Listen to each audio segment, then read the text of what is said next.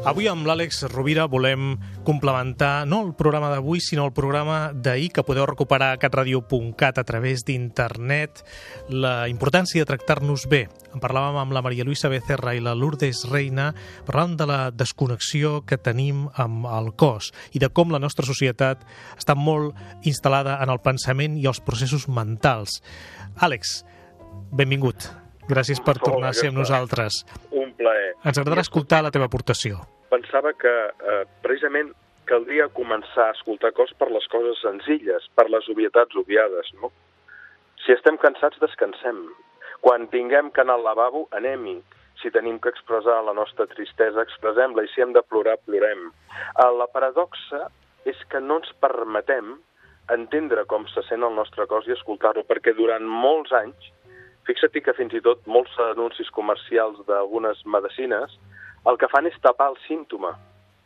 Però a base de tapar el símptoma no aconseguim la sanació. Precisament la negació del símptoma ens porta a reforçar-lo, a reforçar la malaltia i a desplaçar el símptoma.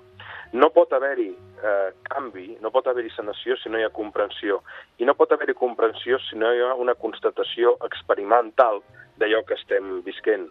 El pilar bàsic de la sanació és confiar en la saviesa del nostre cos i no posposar el, uh, el que és important. Paradoxalment, la tristesa i el dolor són els nostres grans aliats i, per tant, és important permetre's sentir i, per tant, és important permetre's aturar-se. D'aquesta manera, escoltant el nostre cos, donant-li un, un espai perquè es pugui expressar, canalitzant els nostres sentiments i permetre'n sentir el dolor, és la principal porta cap a la possible sanació. Uh, en cas contrari, el que fem és un periple de desplaçament de símptomes, d'agreujament dels nostres mals, fins que al final el cos dona un crit uh, quan, ja no pot, quan ja no pot més. Per tant, uh, per tenir un cos sa i despert, hem de tenir una consciència sana i desperta que no negui els símptomes que expressa el nostre principal aliat, que és l'estructura física que ens manté units a la vida.